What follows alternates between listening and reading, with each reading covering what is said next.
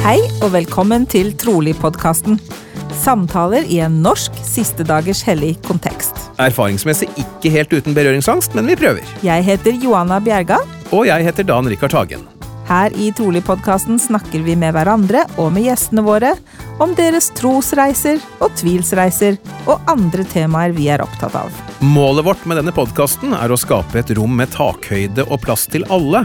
Fordi alles historie fortjener å bli hørt, og fordi vi mener at det er mer enn én måte å være en siste dagers hellig på.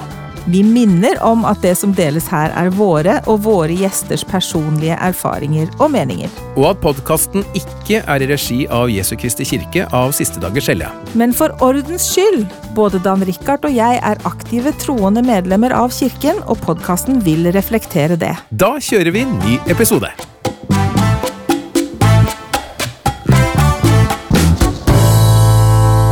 Og dermed så har det gått noen nye uker, og vi er så klare for en ny episode at vi sitter og ivrer i hvert, jeg holdt på å si hver vår ende av landet, Johanna. Som vanlig så er jo du godt plassert i, i dag faktisk solfylte Stavanger, av alle ting. Solfylte Stavanger, her er det julestemning så det holder, bortsett fra snøen, da, selvfølgelig. Ja, ja, ja. Men, nei, men eh, eh, det er ikke noe snø her heller, må du tro. nei, nei. Nei. Er det noe snø der du er, Camilla? Nei, Nei. Nei. det er det ikke, men har vært. Uansett, episode 33 er det vi nå skal eh, i gang med, og vi har jo allerede hilst på dagens gjest. Eh, Johanna, du kjenner jo henne litt fra før, du. Du har juksa litt? Jeg kjenner Camilla, jeg har juksa litt. Grann. Camilla studerte i Stavanger for noen, år, for noen år tilbake. Og da fikk jeg den store glede av å bli kjent med Camilla Eliassen. Og Camilla, mange av dere vil eh, kjenne henne igjen fra Julie Toner-konsertene, hvor hun har opptrådt som solist. For Camilla har bakgrunn fra musikk og sang og pedagogikk og ledelse, og er altså en, eh, en kapasitet, er det lov å si det? Og, eh, og så er hun så er hun også veldig glad i å reise og tar veldig fine bilder når hun er ute på tur. Og så er hun i det hele tatt altså Hun er jo bergenser, sånn at, um, Sånn at vi er advart, mener du? sånn at vi Nei, jeg tror ikke det. Altså, og jeg Det vil er kanskje rart si at jeg har vært stille så lenge. Ja. Jeg er Ikke sant? holde munn eh, under hele introen. Men du Det er er kanskje kanskje det alle er overrasket over nå. Men er du typisk? Jeg ville ikke kalt deg typisk bergenser. Jeg, altså, vi lager jo alle stereotyper av uh, forskjellige mennesker, så uh, jeg har nok litt av det. Uh, og så er det nok mye som ikke stemmer. Ja. Ja. Men uansett, altså, det er ganske mange år siden du bodde i Bergen. Du, jeg har bodd over halvparten av livet mitt utenfor Bergen. Ja. Så det, men den dialekten den forsvinner ikke så lett. Og jeg møtte en dame her ute i går kveld som også viste seg å være bergenser. Og hun hadde ikke bodd i Bergen på 50 år. Hun eh, snakket kavbergensk. Hun sa det er jo bare sånn det er. Det er jo den vi er. Sånn. Og det er sant. Er det sånn for deg at hvis du snakker med bergensere, så snakker du mer bergensk? Ja, det gjør jeg sikkert, men det har jo litt med hva skal jeg si, eh, dialektforståelse, kompetansen i dette området å gjøre, tenker jeg. Mm. ikke alle som forstår. Eh, hvis jeg sier kalla, for eksempel, så sier jeg jo hvilken istedenfor kalla, som betyr hva slags, hva slags kalla. Oh, ja, ja, nå lærte jeg noe, i hvert fall. Ja, nå lærte jeg noe nytt. Det, det? Så, så det er jo litt sånn eh, Det er jo klart at man eh, bevisst eller ubevisst omgjør dialekten sin etter der man bor. Så den er nok litt eh, Det var noen som sa til meg snakket pent bergensk, og så sa jeg bare at det kalles utvannet bergensk. Så det er nok mer det det er enn at det er så pent, tenker jeg.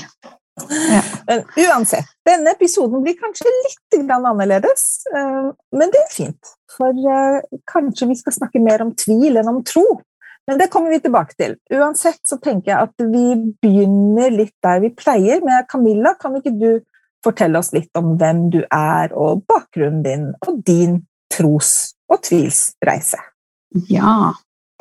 Em, jeg er jo, som eh, alle hører, en bergenser, men ble faktisk født på Lillehammer. Min far var fra Gudbrandsdalen, og min mor fra Nord-Norge. Så jeg har nok litt av det nordnorske temperamentet i meg et sted. Eh, Vi flyttet til Bergen over to år, og min mor møtte misjonærene. Det var sånn tre-fire år, tror jeg, og ble medlem da.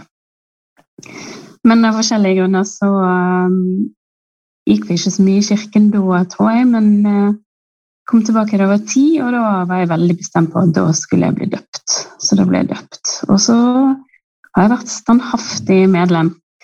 Um, gjennom kirken så oppdaget jeg vel egentlig sang som instrument. Jeg var veldig heldig og vokste opp i en menighet med både Veslemøy Flugeberg, som sikkert mange kjenner, og Stine Andersen og Silje Pedersen, Anneli Pedersen, Frank Vågenes og folk som holdt på med musikk og drama. Så vi gjorde jo masse Satte opp musikaler og sang ofte etter kirken og i Unge kvinner og sånn. Så det var sånn jeg fikk oppdaget at jeg kunne bruke sang som instrument. Så tok jeg en utdannelse innenfor pedagogikk og sang, og fortsatte med det. Um, gjennom 20-årene og så veldig hva skal jeg si, trofast i kirken. Jeg er ganske god på å følge regler. Så for meg så var det jo så trygt ikke sant, å, å ha et system å følge. Um, så opplevde det egentlig veldig støttende også når det kom til det å utvikle talentet mitt. da. Så um, Um, ja, jeg tok utdanning innenfor pedagogikk og sang, som sa, og så har jeg også begynt å jobbe mer innenfor ledelse. For det som interesserer meg, er jo det relasjonelle, og hvordan, uh, hvordan relasjoner påvirker oss. Enten det er hva skal jeg si, på samme nivå, eller om det er med folk over oss, eller uh, hvordan det er, så er jeg opptatt av det generelt i livet. Så eh, det var en sånn her kortversjon eh, av eh, utdannelse og tro. Um, så begynte jeg å tvile litt mer i 30-årene. Det ble tydeligere og tydeligere etter hvert.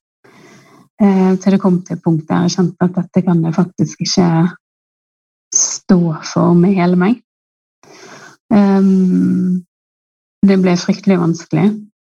Jeg var også eh, psykisk utslitt på det punktet og slet litt med depresjon. For det er en eh, sårbarhet som jeg har. Så det kan skje innimellom. Jeg er ganske bevisst på tegn og sånt, men dette var en tidligere episode. Så det kombinert med tvil og mm, ja, tvil på meg sjøl og tvil på tro og tvil på det meste, gjorde at jeg valgte å ta et eh, skritt tilbake eh, og utforske hva skal jeg si, utforske tvilen. Det har vært en pågående prosess som eh, kanskje ikke er så lett oppsummert, da. Men som førte til at jeg, eh, jeg tok et steg ut av kirken eh, ti år siden ca. Og da husker jeg snakket med et eh, medlem på telefonen som så veldig opp til, og som eh, kanskje ikke forsto situasjonen helt. Og det, det er ikke så rart. Jeg skjønte ikke helt hva som skjedde sjøl. Men da sa vedkommende ja, men Camilla, dette er jo ikke deg. Du er jo ikke sånn som dette. Og husker det var så um, Jeg syns det ga meg veldig lite rom til hvem jeg kunne være. Jeg tror de fleste kjenner meg som en veldig glad, omgjengelig og sosial person. Men alt det snur jo eh, når man blir deprimert. Eh, og det er vondt at man eh, ikke er den personen. Og så at noen da sier at eh, den personen får du ikke lov til å være. Da blir det enda vanskeligere. Altså for meg så var det riktig å ta et steg ut. Og så har jeg på en måte blitt eh, værende utenfor, men gått gjennom en hva skal jeg si, en reise der både har tenkt at oi, ja, men da skal jeg bli ateist. Og der jeg har utforsket det og kommet tilbake igjen og innsett at tro er en del av meg uansett om jeg vil eller ikke. Så det må jeg forholde meg til. Men jeg tror at tro og tvil eksisterer sammen, rett og slett. Og at det er det, er det som kan gjøre det sterkt. Jeg tror, ja. um, jeg tror det at um, Av og til så snakker vi om troskriser, men jeg skulle ønske at vi heller snakket om trosreiser og trosprosesser. Og det handler ikke nødvendigvis alltid om tap av tro, fordi som du sier, så tror jeg det er noe i det at tro og tvil Selv om noen sier at de ikke kan eksistere i samme rom, så tror jeg absolutt de kan det. Jeg tror at det er, det er egentlig litt typisk for hele den menneskelige eh, tilværelsen, holdt på å si, er nettopp dette her med, med paradokser, med, med, motsetninger. Og kanskje det ikke er så motsetning heller med tro og tvil. Altså, For hva er egentlig tro, og hva er egentlig tvil? Ja, altså jeg tenker jo at Man lar det jo være veldig lite handlingsrom innenfor en religion hvis man sier man bare skal tro og ikke tvile, og sånn som egentlig oppfatter den versjonen av Jesu Kristi kirke som jeg vokste opp med, som veldig eh, bastant på det. da. At hvis du tvilte, så var du ikke et eh, godt medlem av kirken, du var ikke et trofast medlem av kirken. Det er jo mennesker et veldig lite rom, men det ga meg et veldig lite rom. Um, fordi at man opplevde jo også at man ikke kunne snakke om det, fordi at eh, det ble uh, tolket som om man vaklet, om man uh, er på vei ut og uaktiv, og man blir et prosjekt. da. Det var jo det jeg fryktet aller mest. Og så husker jeg når jeg sluttet å gå i kirken, så snakket jeg med hjelpeforeningspresidenten. Det var veldig hyggelig. Og sånn, så sa jeg til henne for all del ikke gjør meg til et prosjekt, for det gjennomskuer meg én gang. så det er liksom man kjenner, man kjenner, jo Kirken så godt fra innsiden, og man har vært der i så mange år, at man ehm, Ja. Eh, det, det vil jeg ikke. Og det har jeg heldigvis sluppet å bli. Tror jeg. Ja, ikke så, så vidt du vet. Med mindre dere er en del av det. Det er jo ikke tilfeldig at vi kontakter deg, Camilla. Nei, nei, mm. Men det jeg tenker, det jeg tenker ja, Men det jeg tenker at du beskriver her, er jo, er jo, eh, sånn som jeg ser det, det er jo kultur. Det er jo for så vidt kulturen som eh, jeg i hvert fall oppfatter som sier at uh, det er ikke lov å tvile. Ja, er det det, da? Jeg husker ikke hvilken uh, profet eller, apostel eller noe sånt som var veldig opptatt av dette med tå og tvil, og jeg husker ikke hvem det var. Men, men det er jo også um, Jeg tenker av og til at mennesker i kirken som tar litt mer lett på det, har en hva skal jeg si, lengre karriere i gåseøyne innenfor kirken enn hvis man er veldig pliktoppfyllende og veldig opptatt av å gjøre alt riktig, som jeg var og ofte er. Det er jo personlighetstrekk. For da blir man så utrolig opptatt av at det skal være eh, sånn og sånn. Mm. Alt skal være perfekt? Ja, alt skal være perfekt, og man strekker seg etter det. Og man tror at man kan utvikle seg uendelig mot det perfekte. da. Mm. Og det er jo på mange måter så uh, har vi uendelig utviklingspotensial, men en fugl kan ikke bli en fisk, liksom. Så vi kan ikke bli noe vi ikke er. Uh, og jeg tror um, jeg vokste litt opp med det der at man kan uh, gjøre hva man vil hvis man bare tror nok. Og det er jo ikke sant. Nei. Man kan faktisk ikke gjøre hva man vil, selv om man tror så uendelig mye. Mm. Så um, Jeg tror Matteus 5,48 og er det noen andre Nefi 23-25 eller 25-23, jeg blander alltid de to. Jeg tror de har gitt oss litt uh, problemer, rett og slett. For det, når du da når du sier ja, men det er jo kultur, innforstått, det er ikke evangeliet, men kultur oppstår jo ikke i et vakuum. Mm. Og når vi har skriftsteder fra både Bibelen og Mormons bok som sier ikke sant, 'vær de derfor fullkommen', mm. Eh, ikke sant? Og, eh, og, at vi blir frelst etter alt vi har gjort. Mm. Etter å ha gjort alt vi kan, ja.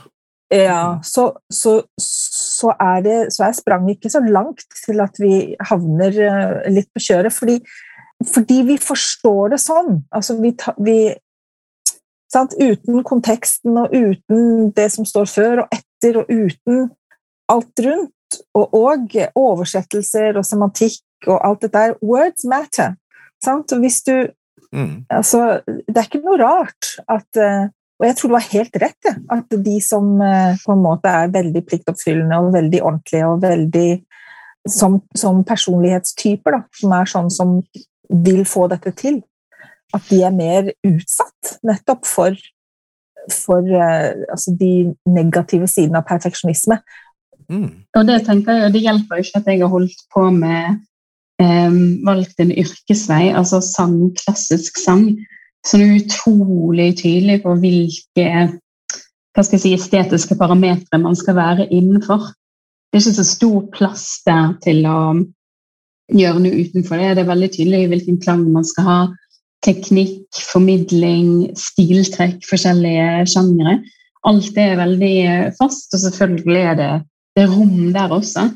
Um, men det og kirken og liksom min personlighet, det, det, var, det ble for mye, rett og slett. Og det er jo også sånn som si, altså, pliktoppfyllende folk som er opptatt av å gjøre ting riktig, sånn, det er jo mer utsatt for utbrenthet, eh, depresjon, angst, alle disse tingene her. ikke sant? Så det er jo, kombinasjonen ble jo litt for heftig for meg, iallfall. Mm, mm. Jeg kan jo kjenne meg litt igjen i det du sier også. Jeg, jeg er jo sånn i mine egne øyne ganske firkanta person, uh, som kanskje er i ferd med å få retta litt på de hjørnene, sånn at de blir litt rundere. Og en, uh, jeg tror en av um, grunnene til at det har skjedd, uh, eller skjer, er fordi at jeg er blitt litt mer klar over Uh, siden vi bringer frem skriftsteder her, da, Moroni 1032, ja, kom til Kristus og bli fullkommengjort i ham.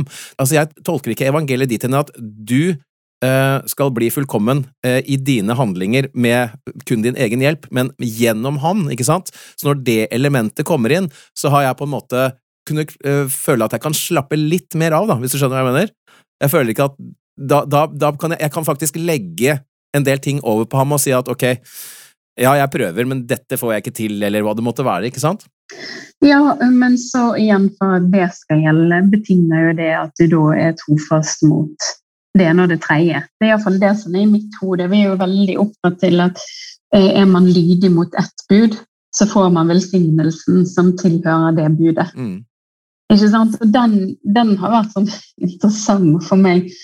Og um, å utforske. Men er ikke det litt årsak-konsekvens? Jo, men samtidig så er det jo ikke sånn det er, på en måte. Hvis man, eh, hvis man ser på samfunnet ellers, så er det jo folk som eh, aldri har trodd en dag i sitt liv, aldri betalt tiende, og som er suksessfulle i yrker og er, har masse penger og rikdom. Ja, ja. Ikke sant? Eh, hvis man bare tar den, er jo en meget grov eh, sammenligning, hvis du skjønner. Men det mm. er jo ikke sånn at, eh, at det er helt som heller, da. Man kan ha et godt liv uten å være tro mot alle budene man har lært. Mm, absolutt. Når man vokste opp. Og det, det er jo litt sånn den litt sånn svart-hvitt-tankegangen som er farlig, og som jeg oppdaget da jeg tok et steg ut da jeg helt uh, oppriktig trodde at livet mitt kom til å bli ødelagt fordi jeg ikke gikk i kirken. Og det var en reell frykt som tok lang tid før den la seg.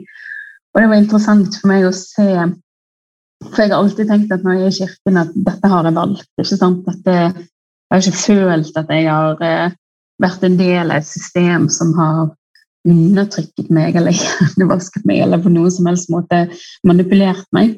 Um, men så kom jeg, gikk jeg ut, um, og så merket jeg hvordan enkelte ting var helt irrasjonelt um, bygd inni meg da, på den måten at det tok flere år å avlære. Mm. Og det, det, var jo en interessant reise, for det, viser jo litt at uh, jeg var ikke så fri som jeg trodde.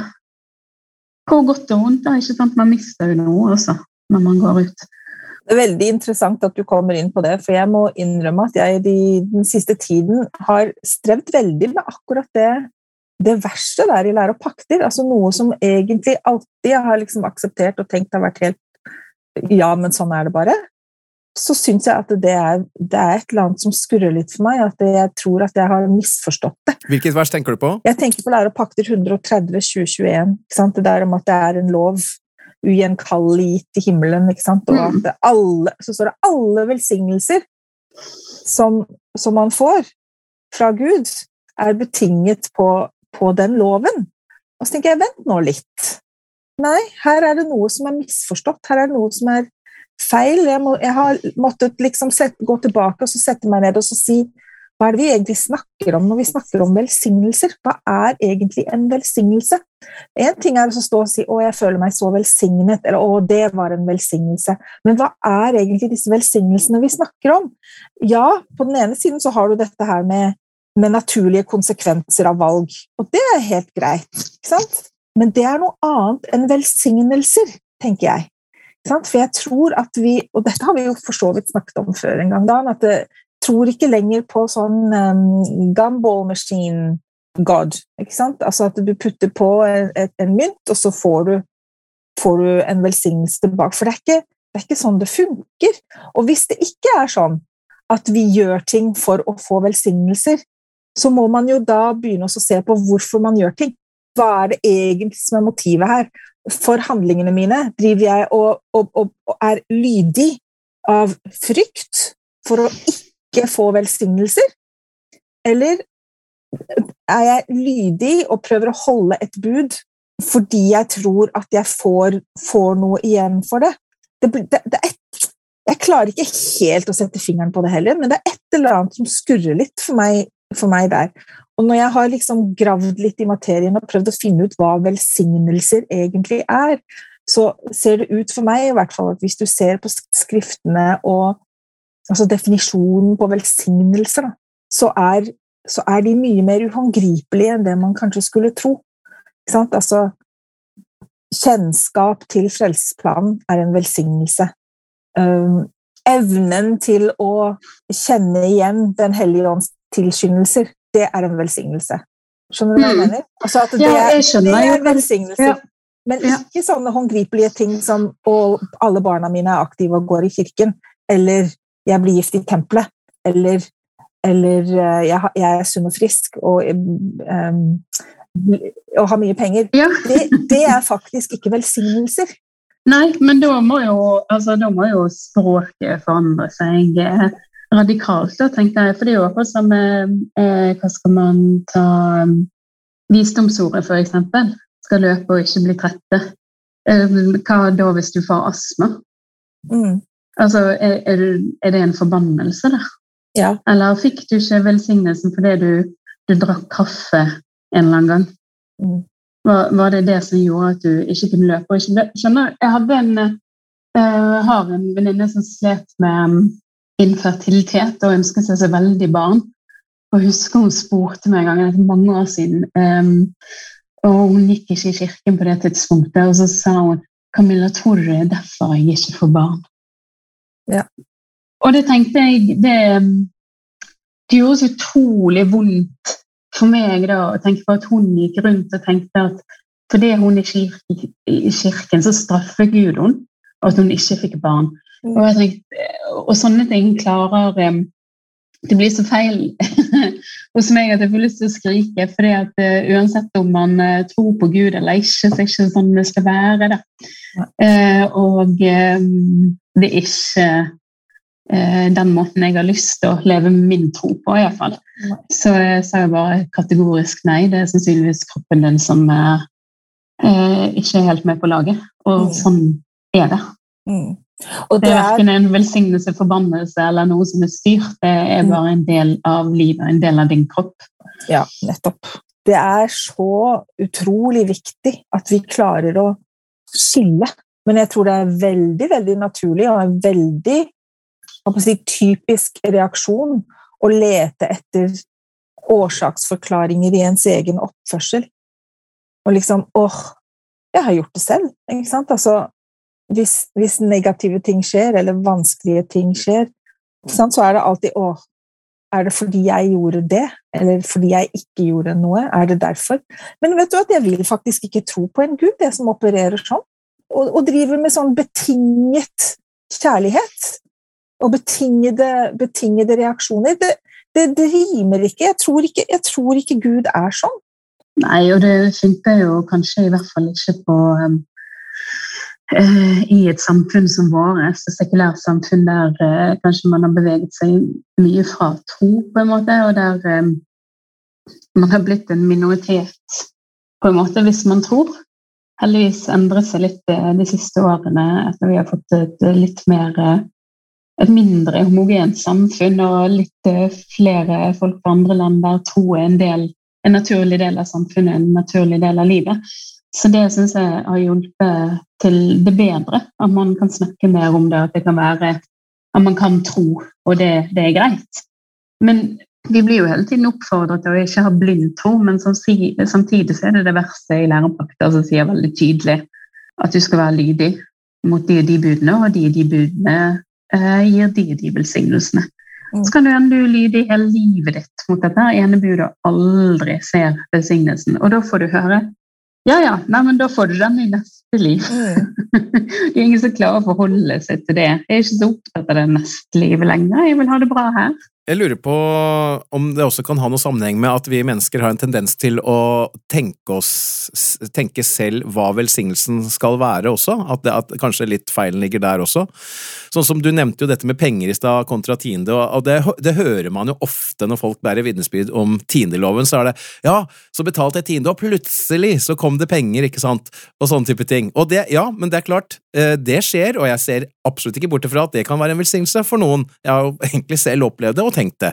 Men kanskje egentlig velsignelsen er noe helt annet. For mitt vedkommende så er min erfaring i forhold til tiendeloven at, at den har hjulpet meg til å i større grad stole på at Gud finnes og er der.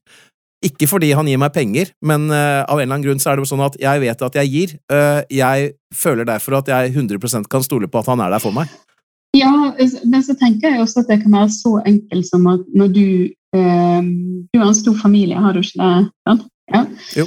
Eh, når du har en inntekt, og så skal jeg gi vekk 10 av den, så fordrer det at du ser ekstra nøye på de resterende 90 eller enda mindre, fordi du også har betalt skatt. Absolutt. Eh, og disponerer det på en måte som gjør at eh, de rekker til av måneden. Mm. Så jeg tenker at det å Enten om man betaler tiende eller bestemmer seg for å spare 10 eller 20% av inntekten sin, så skaper det en bevissthet rundt økonomien som gjør at du tvinges til å se på den, og ikke bare kan trekke kortet. Også du har barn, ikke sant? Og da eh, kan du ikke Sånn som jeg kan for så vidt eh, gå blakk siste uken av måneden hvis jeg vil det, for det er bare meg. Mm. Ikke sant? Så lenge jeg har betalt alle regningene mine og har mat i huset, så er det jo bare meg det går utover hvis jeg eh, var så dum at jeg brukte for mye penger. ikke sant? Mm. Så, så, jeg tror jo at det der er en sånn Um, ja, ok, det er en eh, Du viser jo Du gjør jo et offer som, um, mot en gud som man tror på, og som man da forventer noe tilbake av. Men, men, hva er det egentlig man får? Ikke sant? Det er jo det du sier også. Hva er det egentlig man får? Er det kanskje den velsignelsen man får, at man blir økonomisk bevisst og klarer å holde et budsjett? da? Er det det som er velsignelsen? Ja, for eksempel. Og så tror man at man skal våkne til et sånn pengetre i hagen som bare drysser. Da tror jeg, da tror jeg mange blir skuffa, for å si det sånn.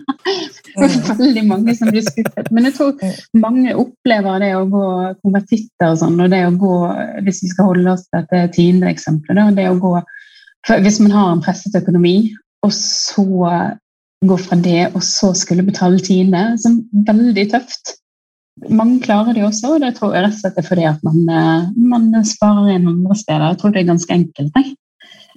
Eh, og at vi noen ganger i kirken bare går oss fullstendig bort i sånne magiske ting.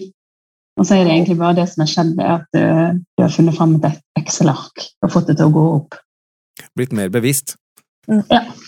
Jeg tror jeg tror nesten alle budene, altså hvis vi skal forholde oss til bud liksom, og all lydighet mot bud Jeg tror statspresidenten vår tidligere statspresidenten i Drammensdag, Tarjei Pedersen, han pleide ofte å si 'budene beskytter'. Og den likte jeg bedre enn 'hvis du er lydig, så får du velsignelser'. Um, fordi jeg kan se at bud kan gi altså å være lydig mot bud kan gi beskyttelse eh, mot ulike ting. Men igjen, da er vi tilbake på dette med at det er naturlige konsekvenser. Det er ikke noe sånn magisk eh, greie. Ja, eh, Samtidig så er det litt sånn jeg kaller beskyttelse i budene. De er jo ikke beskyttelse mot at du blir påkjørt og blir lam. Nei, for eksempel, men, for, men for eksempel, hvis du er trofast mot ektefellen din og ikke, er, eh, ikke bryter kyskhetsloven, f.eks., så kan du være beskyttet mot uh, si, emosjonelle utfordringer da, i, i, parforholdet. Altså Nei, det ble feil. Altså, ja, for han, den andre ut, kan jo være utro. Ja, ja, nei, men altså, si, altså, Hva skal jeg si? Uh, rewind. Fordi man selvfølgelig så kan man jo ha utfordringer i ekteskapet selv om begge to er trofaste. Det er ikke det jeg mener. Men du vil unngå, altså hvis begge er trofaste og unngår å være utro, så vil man unngå den type emosjonelle utfordringer som utroskapen ville gitt. Er du med?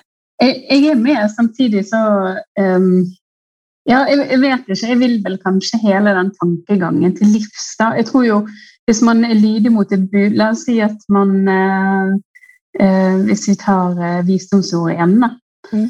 Og man er lydig mot det, og så viser det seg at man egentlig, uten å visste det, hadde en dissosiasjon for alkoholisme. Da er det jo topp at man har adlet det budet, for man har aldri blitt tvunget til å oppdage det, f.eks.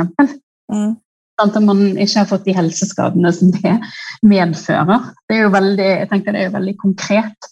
Mm. Men jeg tenker jo av og til også at um, Nå skal jeg si noe som sikkert uh, blir oppfattet som svært kontroversielt for noen kirker, men jeg tror at jeg er blitt et bedre menneske av å ikke gå i kirken de ti siste årene.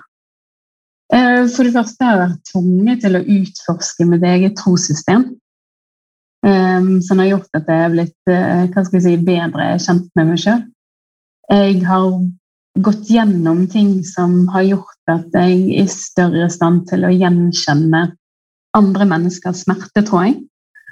Uh, og kompleksitet, altså følelsesmessig kompleksitet, det tror jeg var litt mer avvisende mot det før. For jeg tenkte ja, ja, enten så uh, går du i kirken, eller så går du ikke. Altså, litt ja, mer den. Svart-hvitt tankegang. Ja, ja, for å mm. si det veldig sånn eh, bardust, eller hva man skal si. Men jeg tror eh, den kompleksiteten som er i følelseslivet, og som eh, vi alle forhåpentligvis erfarer, da, den er jo um, en del av det som gjør oss til hva skal jeg si, et empatisk menneske. Mm.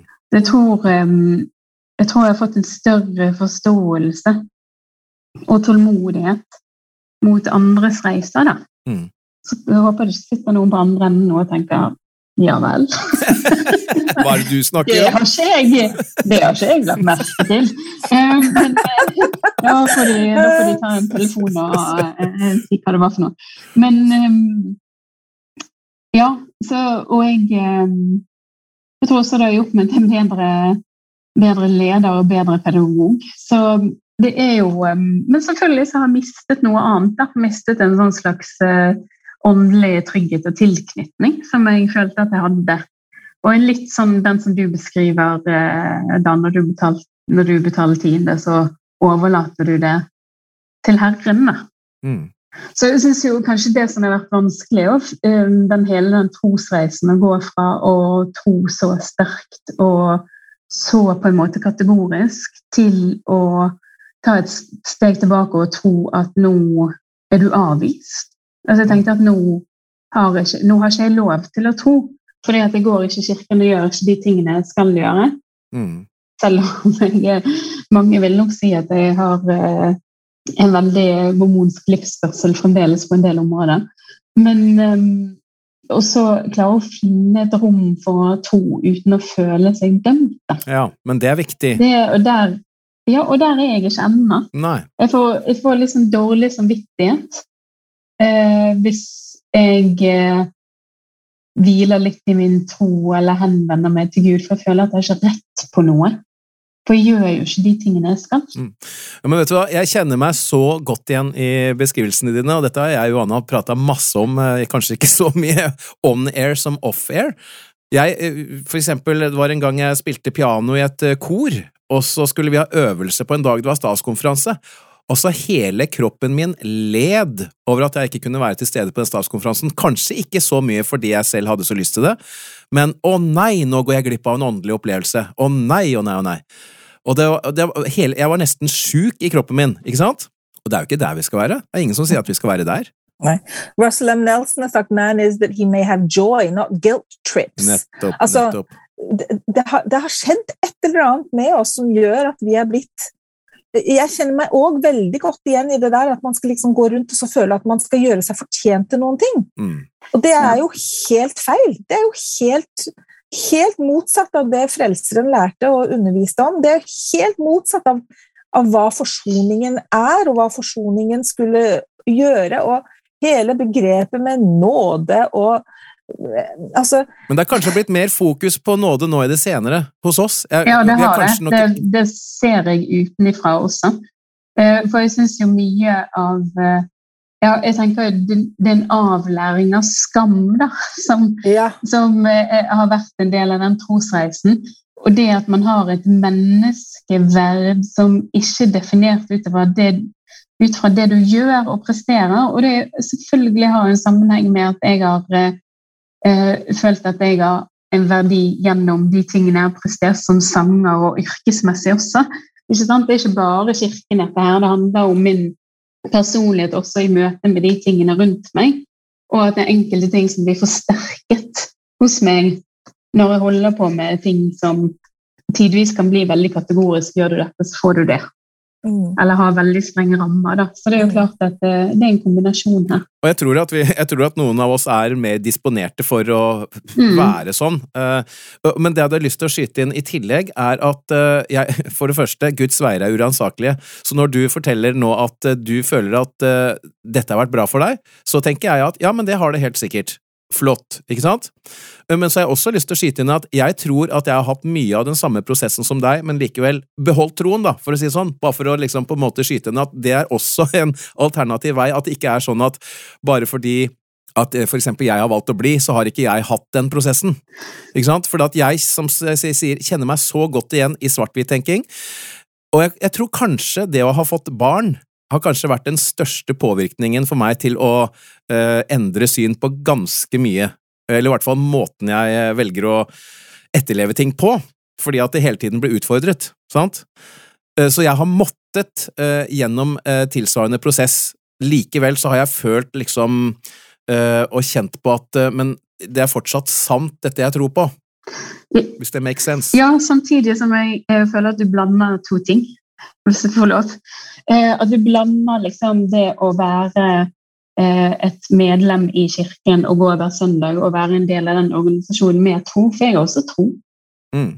Ikke sant? Men den Ja, ja. har fått seg en knekk og gått gjennom nå. Jeg har valgt å stå utenfor kirken. Jeg har ikke meldt meg ut. Eh, Det er en sånn debatt som kommer opp i hodet mitt innimellom. Um, Men, men det er Jeg har valgt å stå utenfor og ta den trosreisen utenfor. da. Mm. Mens du har valgt å stå videre inni hva skal si, systemet og ha den der. Og selvfølgelig så kan man ha den der også, og du har blitt utfordret gjennom det å få barn, og det er vel kanskje noe av det som utfordrer eh, mennesker mest. da. Mm. Du har jo en eh, skokk av de også, har jeg skjønt. Ja, det har, det har blitt noen etter hvert. Åtte stykk, så det er klart. Jeg har hatt mitt. Ja, da, ja, da har du noen personligheter Ja. gående der som eh, sikkert setter skapet på plass innimellom, og som utfordrer deg. Det helt som, sant. eh, eh, og det vil jeg tro. Det, det er jo akkurat det med relasjoner. ikke sant? Det det vi lærer gjennom relasjoner, på godt og vondt. da. Mm. Om de er innen familien eller utenfor, eller hvor de er, så er de, så er de der. Ja. Men jeg har også lyst til å si at jeg føler også at jeg har blitt et bedre menneske av å gå gjennom den samme prosessen som deg, i hvert fall sånn som jeg oppfatter det du sier. Mm. For det har også vært nødvendig for meg for å være sånn svart-hvitt. Det har ført mye dumme situasjoner med seg. Ja, det Veldig. gagner jo ingen. Altså virkelig Nei. ingen, Verken i politikken eller i det personlige livet eller i tro eller yrkeslivet. Så um, vi vet alle hvordan det sannsynligvis å bli utsatt for litt sånn kategorisk svart-hvitt-ledelse. Og det er svært få som liker det. Ikke sant? Innimellom kan det være greit og tydelig for å skjønne liksom, veien man skal gå, men det er ingen som liker å bli møtt um, på den måten. Men jeg har lyst til å stille deg et spørsmål, eh, bare av ren nysgjerrighet, egentlig. Ja. Fordi at uh, når jeg har tenkt gjennom hvorfor er jeg så svart-hvitt, så plutselig så slo det meg en gang at kanskje det er fordi at innenfor den uh, firkanten, hvis du skjønner hva jeg mener, Mm. der er det trygt. Absolutt, jeg tror jo det, det er jo veldig forutsigbart. Og jeg hadde jo kanskje en eh, Altså, jeg vokste opp med min mor alene, ikke hatt noe familie, og jeg lener meg på sånn nær familie, da. Og vært avhengig av venner, og også kirken på en måte, som ga meg et nettverk. Ga meg et trygt sted å, å være, og jeg tror det har vært avgjørende for min utvikling i ungdommen som ung voksen at jeg hadde det. Og jeg er kjempetakknemlig for det. Det tenker jeg var en velsignelse, en stor velsignelse i mitt liv. Og det gjorde jo at det var mange valg jeg ikke trengte å ta. Altså, Jeg trengte ikke å gå på en fest og ta avgjørelsen der skal jeg drikke eller ikke. Den var tatt. Mm. Ikke sant? Så det gjorde jo en del ting eh, enklere for meg. Jeg visste hvor jeg skulle være på søndagen. Jeg visste at jeg skulle stå opp tidlig og, og lese skriftene. Jeg visste at jeg skulle gjøre ferdig seminar. Så for meg så var det jo veldig sånn tydelig sånn rettesnor. Og selvfølgelig skapte det en trygghet. Det skapte jo også Jeg tror eh, det var en som sa til meg en gang da jeg drev med den reisen min For det, det der med å gjøre de tingene, og så forventer man jo at da Det er litt sånn som du sier, man gir deler av livet sitt i Guds hender ikke sant? og tenker at nå, nå får du hjelpe med resten. Men det kan jo også bli en hvilepute. Så uh, det var en som sa uh, til meg en gang, og da tenkte jeg ganske sånn Jeg tror det er flere som kunne trengt å høre den. Camilla, nå må du ta ut skjebnedisketten og sette inn handlingsdisketten.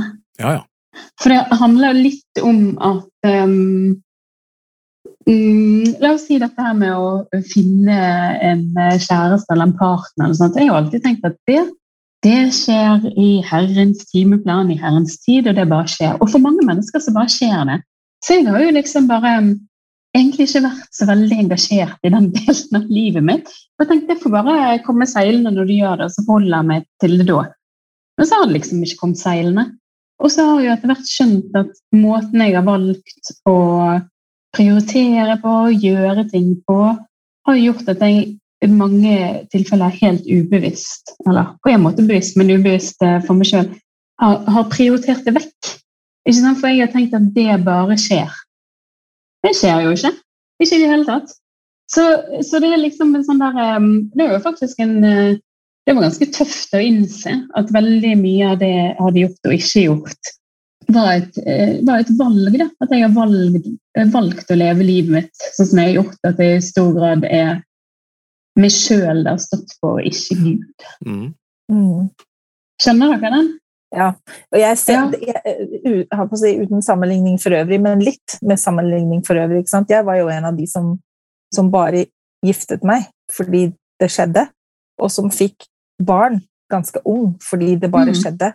Og hvor det ikke var et så veldig bevisst valg fra min side. Og barna mine blir jo litt sjokkert av og til når jeg sier det, at jeg er egentlig litt glad for at jeg fikk dere når jeg fikk dere. For hadde jeg tenkt meg om og bestemt meg for hva jeg egentlig ville, så hadde jeg sannsynligvis ikke fått dere i det hele tatt. Men, eh, og og det, det er akkurat sånn som du sier, at, eh, at fordi vi har på en måte vært inni den trygge, gode boksen hvor mange avgjørelser på mange måter var tatt for oss, Mm. sant? selv om vi trodde vi tok de, så har det påvirket hele, livs, eh, hele livet vårt. Ikke sant? Altså alle Jeg tror det er ganske mange litt voksne kvinner i kirken som er altså i min generasjon og litt eldre, som vokste opp med veldig sånn tydelig eh, Kvinnens plass er i hjemmet, og du skal prioritere å være mor, og det er ditt store kall og egentlig hele hensikten med livet ditt. Og som har egentlig gått og kjent på det hele livet, at det føltes ikke rett for dem. Men så har de liksom, når de først hadde ofret så mye og gitt så mye av livet sitt til den, til den boksen som de egentlig ikke følte de passet inn i, og så kommer til et punkt i livet sitt hvor de egentlig finner ut at vet du hva, mitt liv er mitt liv, og, og jeg har ansvaret for å ta de avgjørelsene som, som gjelder meg og mitt liv og, og familien. Og så Av og til så snakker man om at kvinner er, eh, kvinner er sin egen verste fiende, men at vi kan, hvis man da velger annerledes, også senere i livet, får pushback på det, altså får liksom Ja, men hallo, liksom, skal du ikke prioritere familien og barna dine? Eller ser at yngre generasjoner velger annerledes, så kan det oppfattes, det kan oppleves som et slags angrep på det man selv har valgt. Og så blir man øh, bitter og sint og, uh, og skal gå veldig i forsvarsposisjon da, for de valgene man har tatt.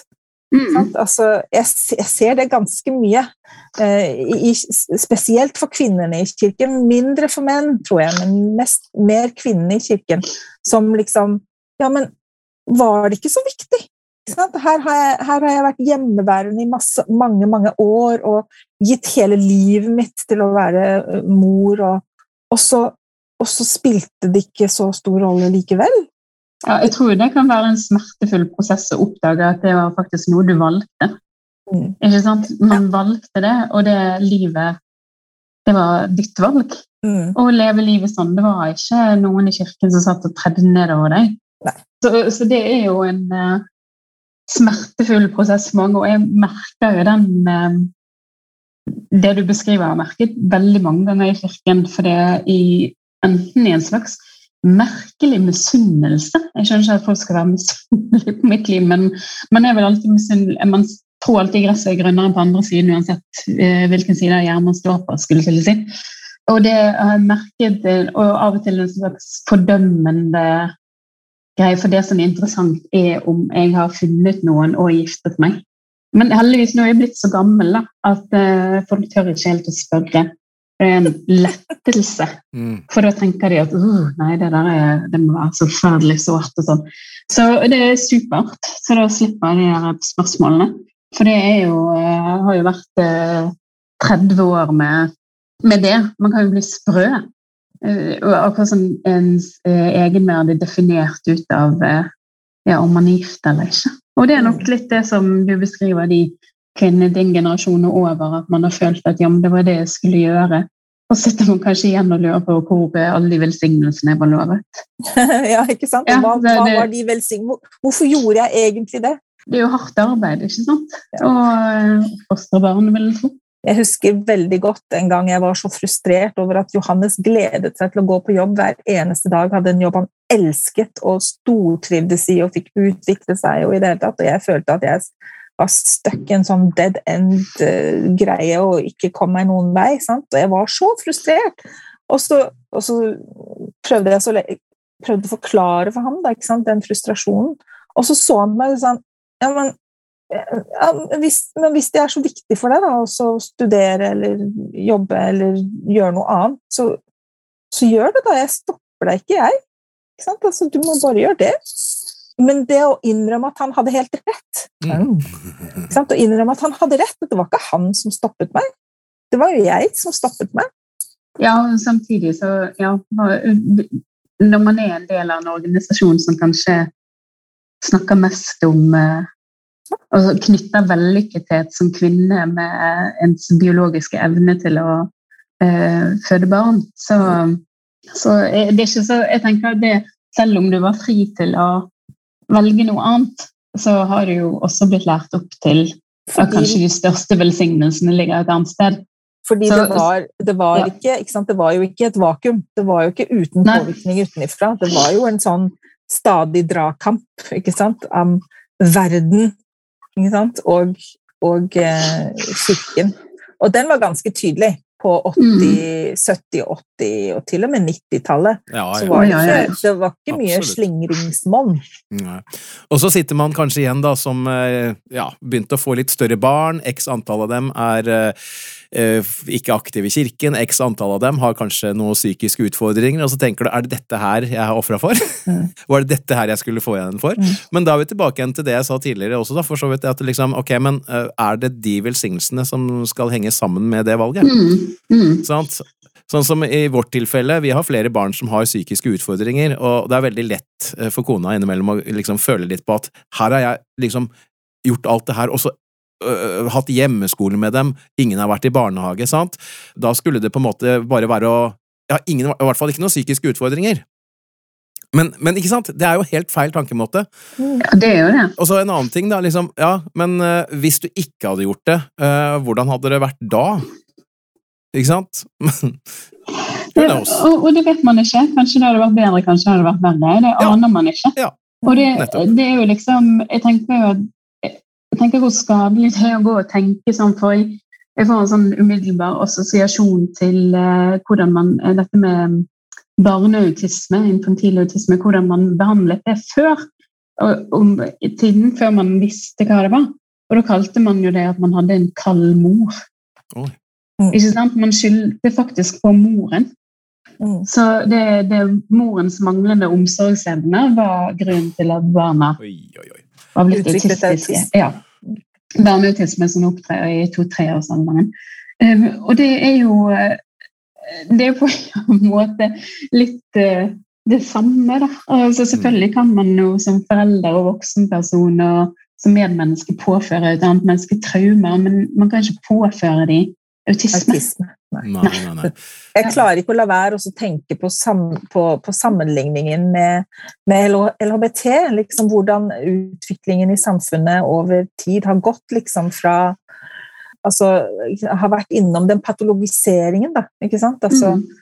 At, eh, at, ja, for eksempel at man ble homofil hvis man hadde en, en fraværende far og en overbærende mor. Ikke sant? Mm. Uh, til til at det var en psykisk lidelse altså, altså, Det går fremover? På samme, ja, på samme måte så ser man jo dette her med neurodiversity. altså dette her med Jeg tenker at det, det er jo på en måte litt spennende at, at, og, og, bra at ting går fremover, at man ser at de årsaksforklaringene som man hadde før, da, de funka ikke. De var feil. Mm. Men så er det liksom hele den prosessen med å innrømme at ok, det var feil, hva gjør vi nå? Hvordan gjør vi dette bedre framover? Mm. tenker spesielt på det der med, med mangfold. Liksom at, eh, at, vi i større grad må anerkjenne at Gud har skapt Gud har skapt et vanvittig mangfold. Og det er ikke sånn at fordi det er annerledes, at det er noe galt med det. Det er bare annerledes. Og, ja. og at hele tilværelsen vår og hele verden og så, og så Se på alt! Og kanskje spesielt i musikk. Hvis vi bare hadde hatt én note å spille på, eller bare én stemme i koret. Hvor mye man ville gått glipp av. Hvor, hvor viktig mangfoldet er, og, og variasjon. Mm. Det jo, man kan jo ta en uh, nerdete sammenligning med Vestens uh, tempererte musikk. Altså, vi har uh, det skjedde, Man tok en avgjørelse i barokken om at så stor skal avstanden være mellom tonene, og det er det som er riktig. Så når vi hører på indisk musikk, arabisk musikk med sine 21 forskjellige tonearter, eller hva det er, så synes vi det er falskt. Det er falskt for våre ører, og vi ser kanskje ned på det hvis vi ikke har den kunnskapen. Men det det er, er at vi ikke har den samme type systematisering av musikken som vi har. Da. Og som er blitt veldig eh, Popkulturen har gjort ganske enerådende. Og som var Så, egentlig helt vilkårlig? Ja, det var noen som bestemte seg og satt i system. Ja. Helt vilkårlig er det jo ikke, men det ble satt i et system som funket, og som funker i dag. Som en men uh, indisk klassisk musikk har et annet system, f.eks. Arabisk musikk har et annet system. Og de er ikke noe mindre verdig, det er bare annerledes. Mm. Sånn, så det handler jo om den kunnskapen da, om, eh, om, det andre som vi kanskje av og til eh, Ja, kanskje vi ignorerer den. Mm. Bare overlater det til Gud, liksom.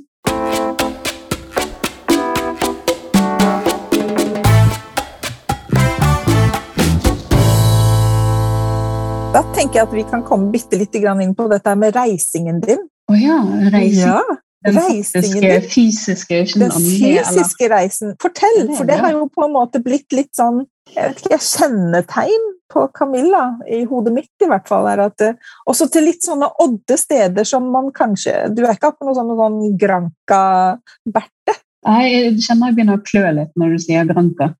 Eh, det, men, men, der fins det også fine steder, og så tenker jeg det kommer an på hva man vil ha. Ja. Um, jeg kjenner meg litt igjen. Jeg hørte Anne Lindmo beskrive sine reiser eh, før. At det var liksom Man skal oppleve, man skal gjøre. man skal, Det er en dannelsesgreie. Det er ikke nødvendigvis bare for å slappe av. Da. Så ferie som um, fenomen det er noe som jeg har oppdaget i seinere årene. Da. At det går an faktisk å ta det litt sånn rolig et sted. og sånn. Uh, så det for meg å reise er jo å oppdage. Oppdage, erfare, Eh, bli utfordret. Og jeg tror det der med å reise til litt odde steder, som du beskriver, det handler om å kanskje bli litt utfordret.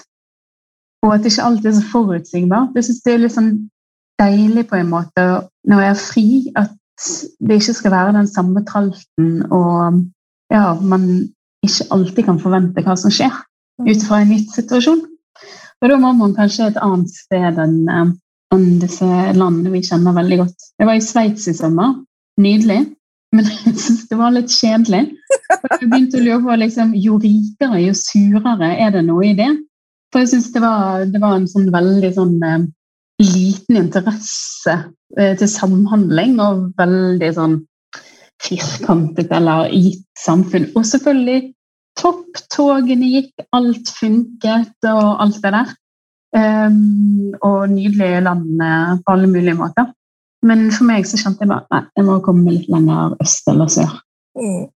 Jeg, i, jeg, bodde jo i Sveits i noen år, og ja. jeg kan jo underskrive på det. da, altså at det er, det er så sivilisert. Det er så veldig sivilisert at det blir litt sånn kjedelig. Men, eh, men farlig. Jeg møtte gøye mennesker der, og, og, eh, det er jo litt hva du gjør det til. Og det tror jeg er litt sånn poeng nå. Det er litt hva du gjør det til. Mm. Velger du å reise med um, familien din eller noen som du, du tenker er en liten boble, de du reiser med. Nå reiser vi, vi skal, skal være sammen, er ikke interessert i å engasjere oss i det rundt oss. Så er det en uh, måte hvor man tar drosje overalt. Men hvis man da våger seg litt utenfor, hopper på kollektivtransporten, går utenfor de vante områdene, så kan man selv på hva skal jeg si, turistifiserte steder ha andre opplevelser. Og så tror jeg at alt er i detaljene. Er det noen steder som på en måte har utmerket seg på den måten, liksom som virkelig har preget deg? Ja, jeg tror jo at mine reiser i Russland har eh, preget meg, eh, og mine opphold der. De har jo definitivt eh, preget meg. Og jeg liker å reise øst. og Jeg har vært i Georgia, og syns det var fantastisk på mange måter. Skulle til Usbekistan når pandemien brøt ut, så det står fremdeles på listen. Men uh, liker å reise der jeg kan komme i kontakt med folk. Mm. kommer man jo, F.eks. i Italia kommer man godt i kontakt med folk. og Der er det jo litt mer sånn jeg vet ikke, litt uforutsigbart. Det liker jeg. Så, men jeg tror grunnen til at du har fått det inntrykk av meg, er at de fleste um, tingene jeg poster på Facebook og Instagram, er jo ofte fra reiser. Og så ser det ut som jeg reiser hele tiden. Det gjør jeg jo ikke. Det er jo bare det at jeg ikke poster så veldig mye når jeg ikke reiser. Det, det, livet mitt ser mer spennende ut enn det det kanskje er. Da. Men sånn er det jo ofte i sosiale medier. Ja. Men eh, ja, jeg er glad i å reise og har de siste årene reist mer alene. Men, eh, og oppdaget at man er sjelden alene. Så eh, man møter jo mennesker rett som det. Og så er det stor forskjell på å være alene og å være ensom.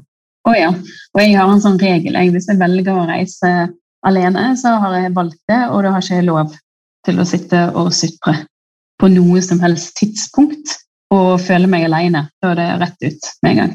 Da skal jeg treffe folk. Så det, det, det, det er en sånn betingelse for meg sjøl som jeg setter. da. At det, det, er ikke lov å sette seg ned som synd på seg sjøl. Før vi går eh, over til de faste postene, eh, Camilla, så bare lurte jeg på vi har jo snakket veldig mye om din uh, tro slash tvilsreise, for å kalle det det. Ja. Um, og den er jo pågående fortsatt en dag i dag, hvis jeg forstår deg riktig. Det er jo ikke sånn at den er over. Klarer du på en måte å, å se for deg uh, hvor du er på vei? Uh, nei, for jeg føler hvis jeg snakker med folk i kirken, så tenker de ofte at endestasjonen er å komme tilbake igjen i kirken. Ikke sant? For det er liksom hvis man er uaktiv, som jeg per definisjon er da, etter kirkens språk, så er målet er å bli aktiv igjen. Mm. Da får jeg liksom kløe av det også. For det er liksom ikke målet mitt, tror jeg. Målet mitt er å, å tror Hvis jeg kunne fått Jeg føler jo liksom tilliten har fått seg en knekk da, mellom meg og Gud. Mm. Så hvis den eh, At jeg kan føle at der er det et et forhold igjen som jeg kan stole på, som gjør meg vel. Mm. Kanskje det er det som er målet? Ja, ja, ikke sant? For du nevnte jo at du på et tidspunkt, eh, eventuelt fortsatt for alt jeg vet, eh, vurderte å gå og bli ateist, som du sa. Men ja, ja, eh, Det funket jo ikke. Det var en veldig liten okay. parentes. Men jeg prøvde, da. Ja. men, men hvorfor, hvorfor, gikk ikke det? Hva, hva, hva, var det som var ja. Det handler jo det om det daglige. Altså, dere hadde veldig spørsmål om hvordan du hører Herren. Jeg føler at det er en del av mitt dagligliv. At jeg eh, Hvis jeg er på reise da, for eksempel, og føler at jeg havner i en situasjon som er litt sånn uh, Nja, kanskje ikke helt heldig. Og så går det fint allikevel. Jeg klarer å manøvrere meg ut av den. Eh, så sender jeg alltid en liten sånn tanke opp. Takk, det satte jeg pris på. Mm. Det var hyggelig. Jeg følte at jeg var beskyttet, og jeg følte at det var noen som hjalp meg der. Ja. Og det å ikke skulle gjøre det, altså denne helt sånn dagligdagse um, Vise takknemlighet for ting som er fint i livet, og at den tanken går et sted. da. Mhm. Takknemlighet. Eh, ja. Mm. ja, for jeg skjønte jo det at artisme er jo ikke tro på noe. Jo ingen Hvor skal du sende den takknemligheten? da? Ingen steder. Mhm. Og for meg så var det liksom Det bare funket ikke i det hele tatt i dagliglivet og ikke skulle, ikke skulle tro på noe som helst. Nettopp. Så, så troen på en himmelsk fader, den er der fortsatt, da? Ja, den er der irriterende nok innimellom. Blir ikke kvitt den, si. Nei, blir ikke kvitt den. Sånn er det. Men kan jeg spørre deg eh, hva, hva knekken du refererer til, består i? Eh, Knekken i tilliten? Knekken i tilliten, ja. Det var vel en sånn kombinasjon av um, at jeg følte at gjennom kirken, gjennom hva skal jeg si, velsignelser som har blitt, og da mener jeg at man har fått en velsignelse via prestedømme, altså disse tingene var blitt lovet en del ting som jeg bare ikke så snurten av. Eh, Det var det ene at det begynte liksom å stusse veldig. Så var det generelt Jeg tror det var veldig dette med bud, velsignelse av biten. Og så det at jeg følte at eh, det var en gud som ikke nødvendigvis ville meg vel. På hvilken måte da? Altså, eh, jeg tenker at Definasjonen av tillit er jo at noen vil deg vel. Mm.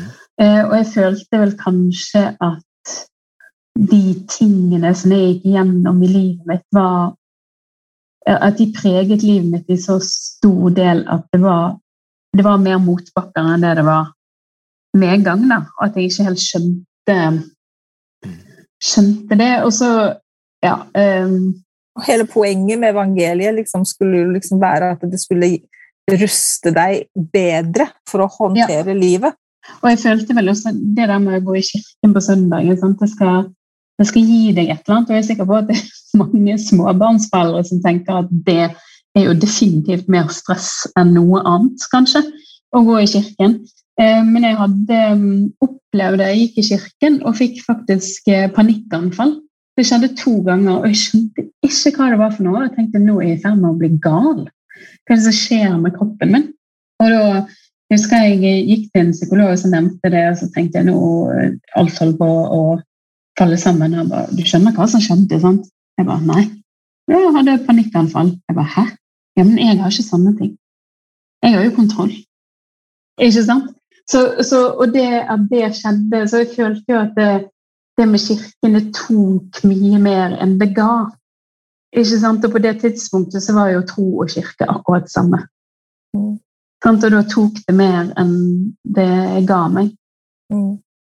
Og da kjente jeg at ok, jeg hadde i den situasjonen jeg sto i, eh, med de utfordringene troen kirken ga, eh, sangkarrieren ga, eh, og eh, det at jeg eh, har en liten skjørhet er disponibel for depresjoner. Da.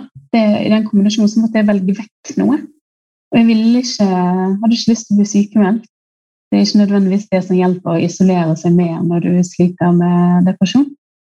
Og det visste jeg. Jeg hadde ikke lyst til å avlyse konserter eller noe sånt. Og det var i kirken jeg fikk panikkanfall. Og jeg kjente at kroppen strittet i alle retninger når jeg gikk i kirken. Det var så ubehagelig. Det var en fysisk opplevelse. Og da tenkte jeg nå tar jeg et skritt tilbake. Og det, det var tvingende nødvendig akkurat da. Og så har jo det, det at det skjedde da, ledet meg ut på en litt lengre reise. Det var tvunget meg til å ta et dypdykk inn i um, hva troen egentlig er for noe.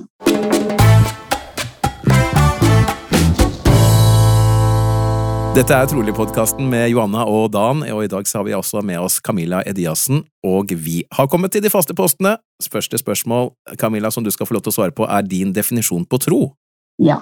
Og det syns jeg eh, er vanskelig å definere. Jeg trodde det var lett. Men det er jo um, å um, søke noe utenfor deg sjøl, tenker jeg. Og gi litt av din tillit til noe annet som du ikke nødvendigvis kan kontrollere. Så ja. Ja. Tillit til noe som uh, du ikke ser, men håper på? Ja, det er jo et vers, det, da. Ikke sant? Ja, ja, men, du, gir jo, du gir jo tillit til noe som du ikke står på andre siden og kontrollerer hva du får tilbake. da. Ja. Ikke sant? Så det er å velge å stole på noe utenfor deg sjøl. Eller tro, håpe på noe utenfor deg sjøl. Og så har vi jo dette, som du så vidt nevnte i stad, dette med å høre han. ikke sant? Hvordan opplever du at uh, altså din kontakt med det guddommelige, hvordan utarter den seg? Mye mindre um, Hva skal jeg si eh, uh, Fantastisk og Hva det heter Leter jeg et ord her Eh, enn det man skulle tro. Altså, jeg tenker at Det er en sånn stille veiledning som er i livet. og Jeg kjenner det veldig tydelig hvis jeg har en sånn indre overbevisning om at dette skal jeg gjøre, og bare sånn driv. Da er ikke det, sånn jeg, det er ikke noe sånn jeg kneler ned og ber om jeg skal gjøre dette. Jeg bare tenker at dette skal jeg gjøre, og så dundrer jeg på. Og det er jo også en sånn tro på at eh, det er riktig, da. Men det er riktig for meg. Um, og da føler jeg at uh, det er greit, da skal jeg gjøre det. Og da har jeg uh, med meg noen på det. Så jeg føler det er en sånn sterk indre overbevisning uh, som ikke bare er min. da. Og så tror jeg det, veldig på dette med takknemlighet. Jeg tror veldig på det å anerkjenne små ting. Om det er din egen fortjeneste eller Herren eller hva det måtte være, så tror jeg det er bare sunt for oss å være takknemlig. Jeg tror det er en jeg tror det er nøkkelen egentlig til å ikke bli bitter, det å kjenne på takknemlighet. Så tror jeg på den der stille veiledningen når man bare tar seg tid til å puste litt. Og da om det er en sjøl, eller om det er Herren, eller hva det er, så er det Jeg tenkte på det med tro også, det handler jo også om å tro på seg sjøl, at man har fått de redskapene til å ta valget, da. Mm. Um, og det å bare tørre å stå stille av og til og lytte, da kommer det ofte noe fornuftig fra et eller annet sted. Neste spørsmål på lista vår Camilla, det er um, hvis det var noe ved kirken du kunne forandre på, da. Uh, hva kunne det for eksempel være? Jeg, jeg tenker at jeg skal gjøre det enkelt for denne episoden. Og det er jo det språket vi bruker omkring tro og tvil. Og det rommet vi lager ved å bruke det språket vi bruker. Altså en større bevissthet rundt det. Da. Og da tenker jeg at det, eh, det kan uh, det hadde hjulpet på mange ting. Og så, så har jeg eh, en hel liste, men jeg tenker jeg har valgt å stå utenfor. Og da har ikke jeg noe sånn kjempeinteresse av å si eh, peke på feil, hvis du skjønner. Ja. Veldig bra. Så bra. Og helt til sist Hva er, eller var Nei, hva er det beste med Kirken? Hva er det beste med den tilknytningen du hadde, da i hvert fall, og for så vidt fremdeles har. Ja, ja, da, altså Det er jo hva, hva, er det beste Det er jo et åndelig rom, da. Der det, der det åndelige har et fokus. Og der man kan utforske relasjonen til Gud.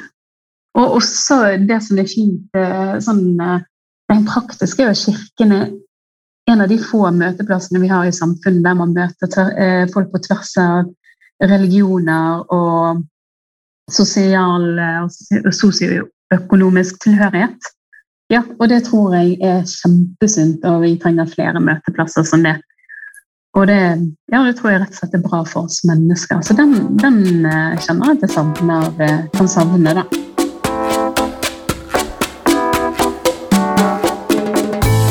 Tusen takk for at du hørte på dagens episode. Vi er snart tilbake med en ny og spennende samtale.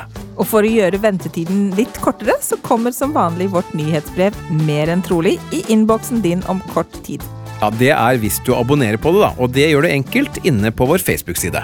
Ja, og i tillegg så finner du oss både på Instagram og Twitter som oppdateres med jevne og ujevne mellomrom. Har du forslag til enten temaer eller gjester du syns vi burde snakke med? Send oss en e-post til troligpodkast med k at gmail.com. Og vi blir veldig glad for skriftlige tilbakemeldinger i alle våre kanaler. Og ikke glem at dette vil også hjelpe andre å finne trolig. Takk for nå. Vi høres!